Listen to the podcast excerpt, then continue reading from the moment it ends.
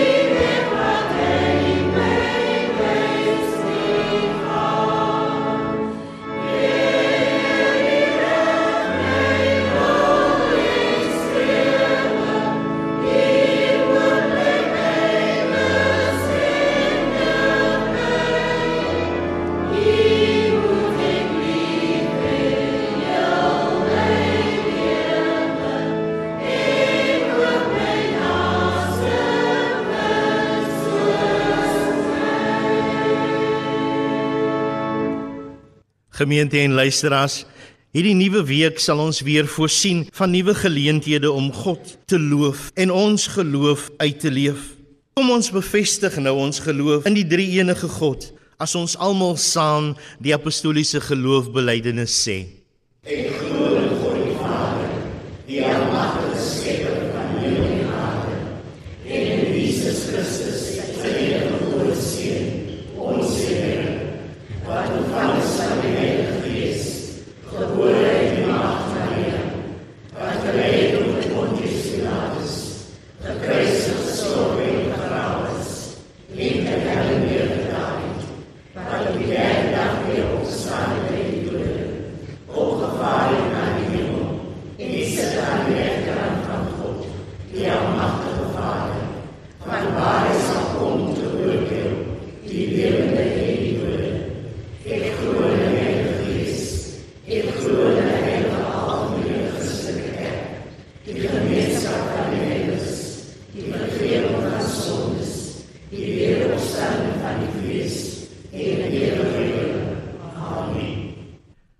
Vanoggend se skriflesing uit die Bybel kom uit die boek van Handelinge, hoofstuk 1 vanaf vers 1 tot en met vers 8. My eerste boek, Theophilus, het ek geskrywe oor alles wat Jesus gedoen het en geleer het van die begin af tot op die dag van sy hemelvaart. Voordat hy in die hemel opgeneem is, het hy deur die Heilige Gees beveel gegee aan die manne wat hy as apostels uitgekies het.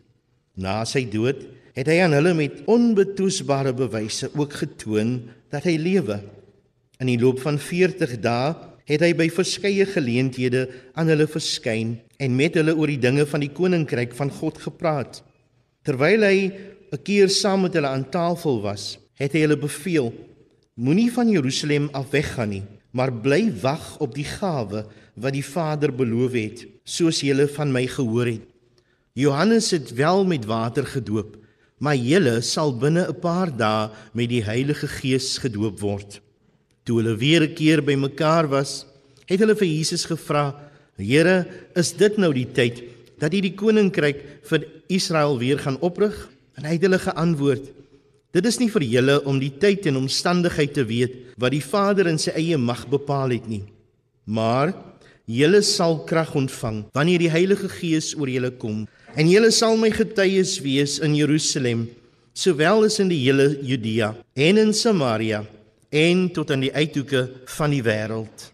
Kom ons gemeente sing weer saam. Dan sing ons oor die God wat hom met soveel liefde oor ons ontferm, maar ook 'n God wat vir ons vra dat ons aan sy kant moet staan. Daarom vra ek vir, kom ons sing nou. Staan op, staan op vir Jesus.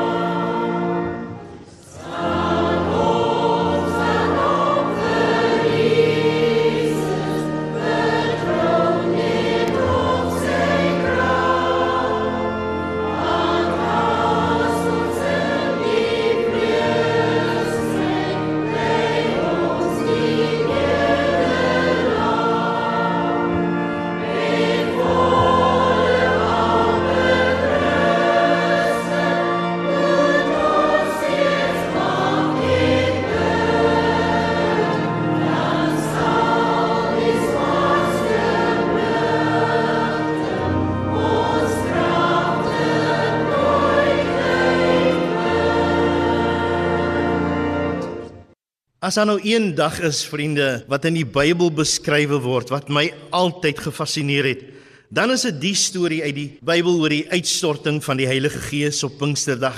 Dis vir my duidelik, Pinksterdag was 'n dag van groot krag. Blykbaar was dit 'n dag waarna die disippels uitgesien het, want Jesus het volgens Lukas in Lukas 24 vers 49 vir hulle hierop voorberei. Mense kom ook agter uit die vrae wat hulle vir Jesus vra hier in Handelinge. Hulle het gewonder, nou wanneer dan en hoe en wat sal gebeur? Soos wat Jesus daar saam met sy disippels was, so het hy nou aan ons die Heilige Gees gegee om saam met ons as gelowiges te wees.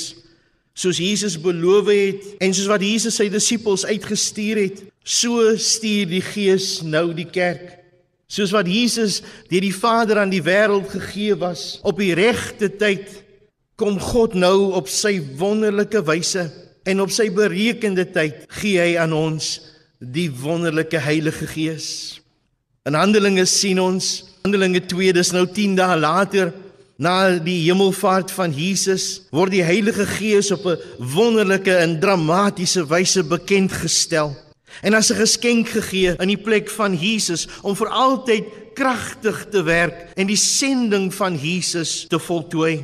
Hierdie wonderlike geskenk wat die disippels kry, was egter 'n geskenk wat hulle nie vir hulle self kon hou nie. Ek onthou eendag toe ek 'n kind was, ek dink ek was seker so 9 jaar oud of so, het een van my mammies daar in die gemeente van Tiervlei vir my 'n beach bakkie vir Kersfees gegee. Ek kan dit helder onthou. Dit was 'n pers beach bakkie met sulke geel spikkeltjies op met 'n blink enjintjie agterop en al die groot wiele agter. En weet jy ek het daai hele Kersfees met daai beach bakkie gespeel. Teen die middag was die beach bakkie uitmekaar uit want ek wou agterkom hoe lyk die engine van binne kan die deure oopmaak. En hoe lyk 'n karretjie? Ek dink dit was die tweede karretjie wat ek geskenk gekry het. 'n Mens was opgewonde as jy 'n geskenk gekry het. Ek kan nie nog onthou hoe jy kinderlik saam met jou ander vriende gedeel het die geskenke wat jy gekry het en gevra het, "Wat het jy gekry? Wys vir my, wat het jy gekry?" As die disippels daar by mekaar kom, is dit duidelik op Pinksterdag, hulle kan nie hierdie geskenk vir hulle self hou nie. Petrus en die ander wat in die boefretrek bymekaar gekom het, kon dood eenvoudig net nie stil bly nie. Daar was 'n dringende opgewondenheid. Hulle wou vir mense vertel van God se plan met die wêreld en met God se mense. En hulle het dan ook kragtig aan die mense vertel dat God besorgd is oor hulle, dat hy hulle liefhet met die jaloese liefde, dat hy hulle na hom toe roep en dat sy liefde vir die uitverkorenes oneindig is. Dat die mense vir wie hy sy disippels die sending opdrag gegee het in Matteus 28 vers 16 tot 20 na hom toe moet kom.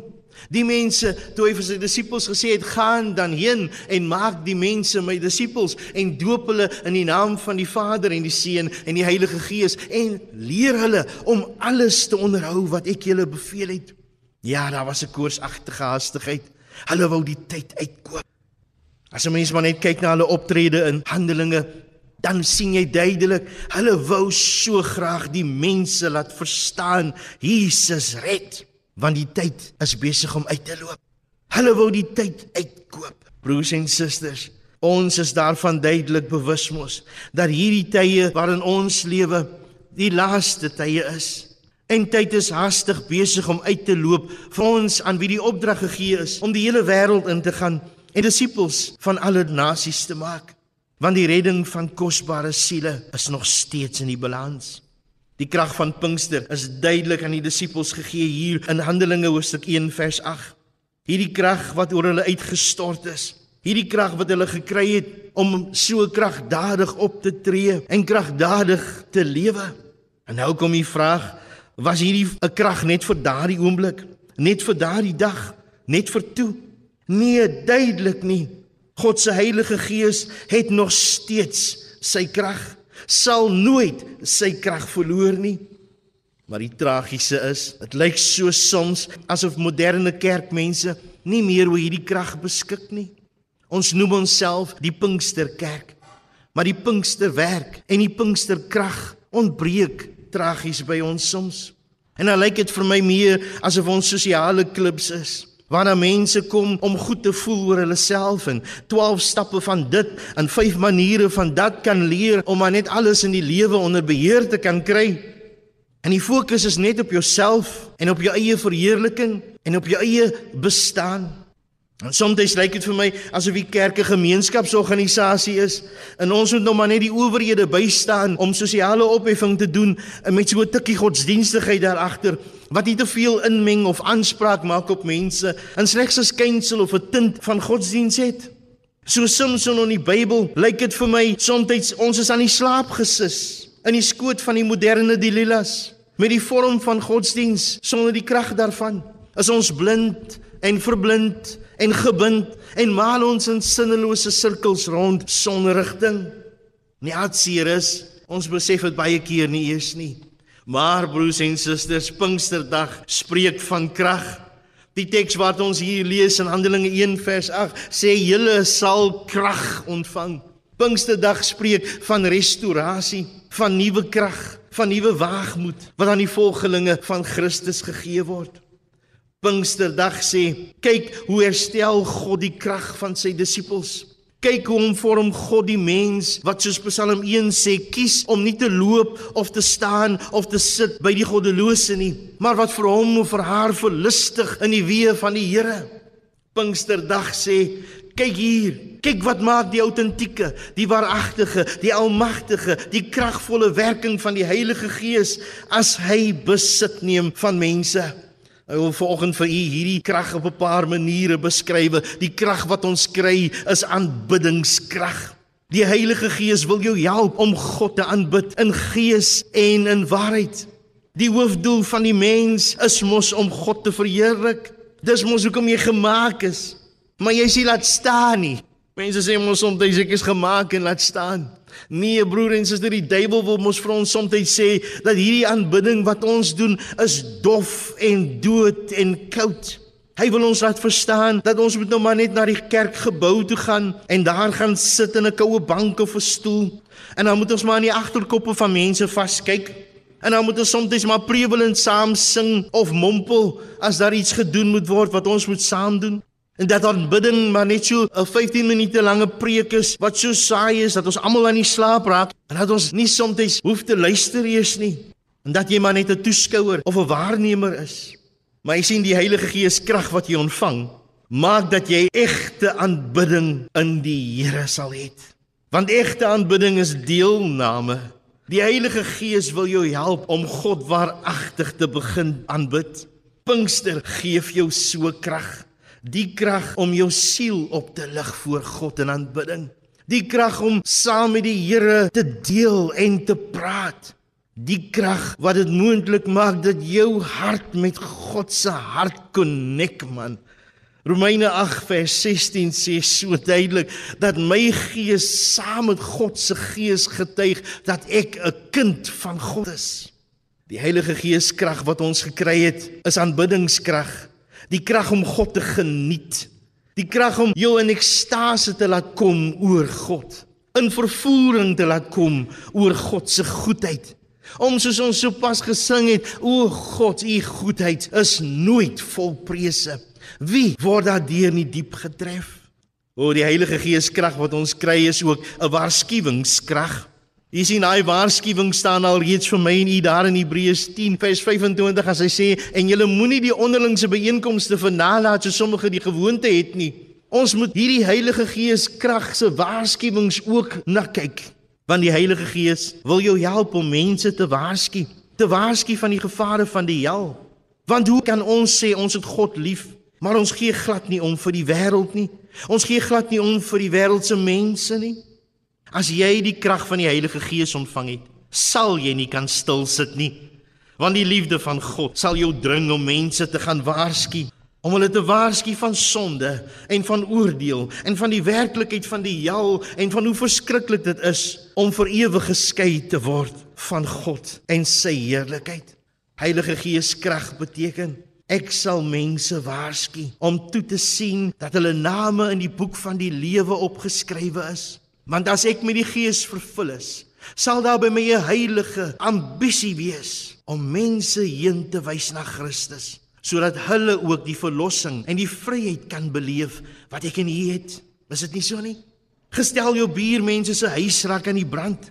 Sal jy nou met jou handjies gevou sit en dan vir jouself maar sê, hulle sal maar moet sien en kom klaar? Nee, ons sal uithardloop uit liefde vir ons medemens. Sal jy uithardloop en jy gaan waarsku en jy gaan skree. Kom uit, kom uit. Jou huis is besig om af te brand.